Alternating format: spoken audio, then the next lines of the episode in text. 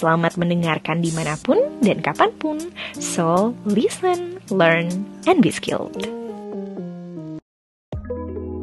Ini aku akan nanya lebih dalam lagi gitu ya ke kakak karena banyak nih orang-orang tuh yang bertanya mungkin gak hanya creating konten ya tapi hal-hal lain gimana sih rasanya menjadikan passion menjadi karir kita menjadikan passion uh, menjadi sebuah pekerjaan kita sehari-hari gitu kan kayak passion kan kita ngerasanya menyenangkan gitu ya buat meyakinkan teman-teman skill kita yang dengerin sekarang gitu siapa tahu mereka masih belum yakin nih dengan passion yang mereka punya. Nah, Kak Faiz sendiri, gimana sih cara Kak Faiz menemukan passion kakak, terus jadi core untuk melakukan pekerjaan saat ini dan berani, oke, okay, this is my passion, dan ya udah gue akan turning this into my job gitu.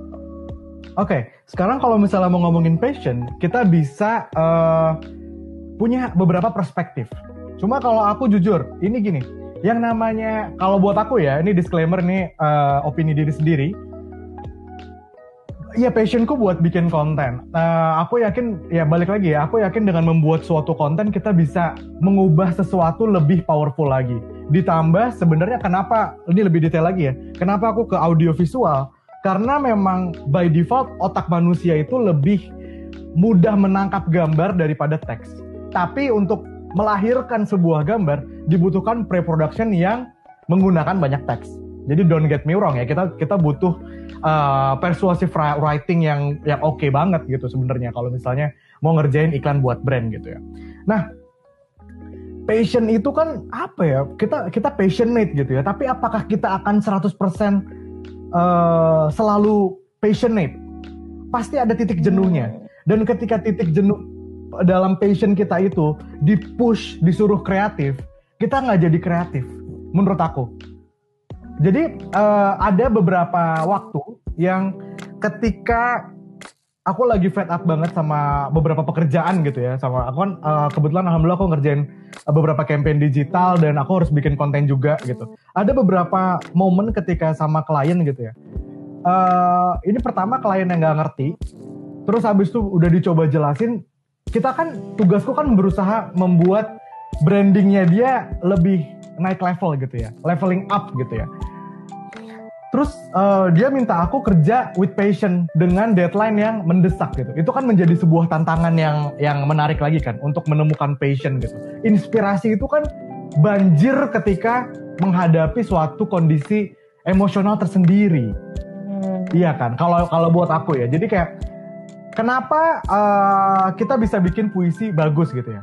Atau kenapa kita bisa bikin suatu uh, video, foto yang bagus gitu ya? Karena ada emosinya di situ. Foto atau video atau teks yang tanpa emosi itu kayak itu artinya apa ya? Kalian poinnya apa ngambil kayak gitu sebenarnya? Jadi balik lagi setiap konten itu harus ada emosinya. Dan uh, menemukan passion itu adalah perjalanan seumur hidup teman-teman.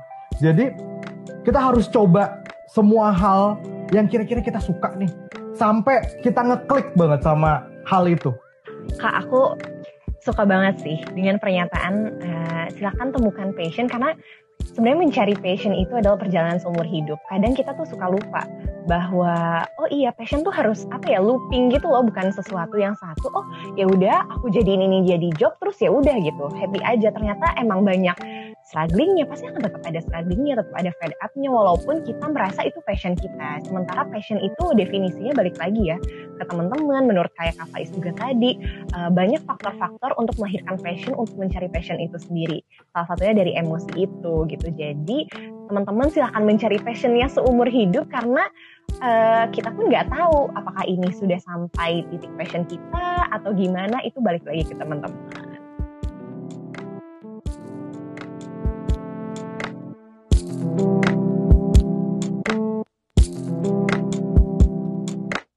Listen, learn, and be skilled.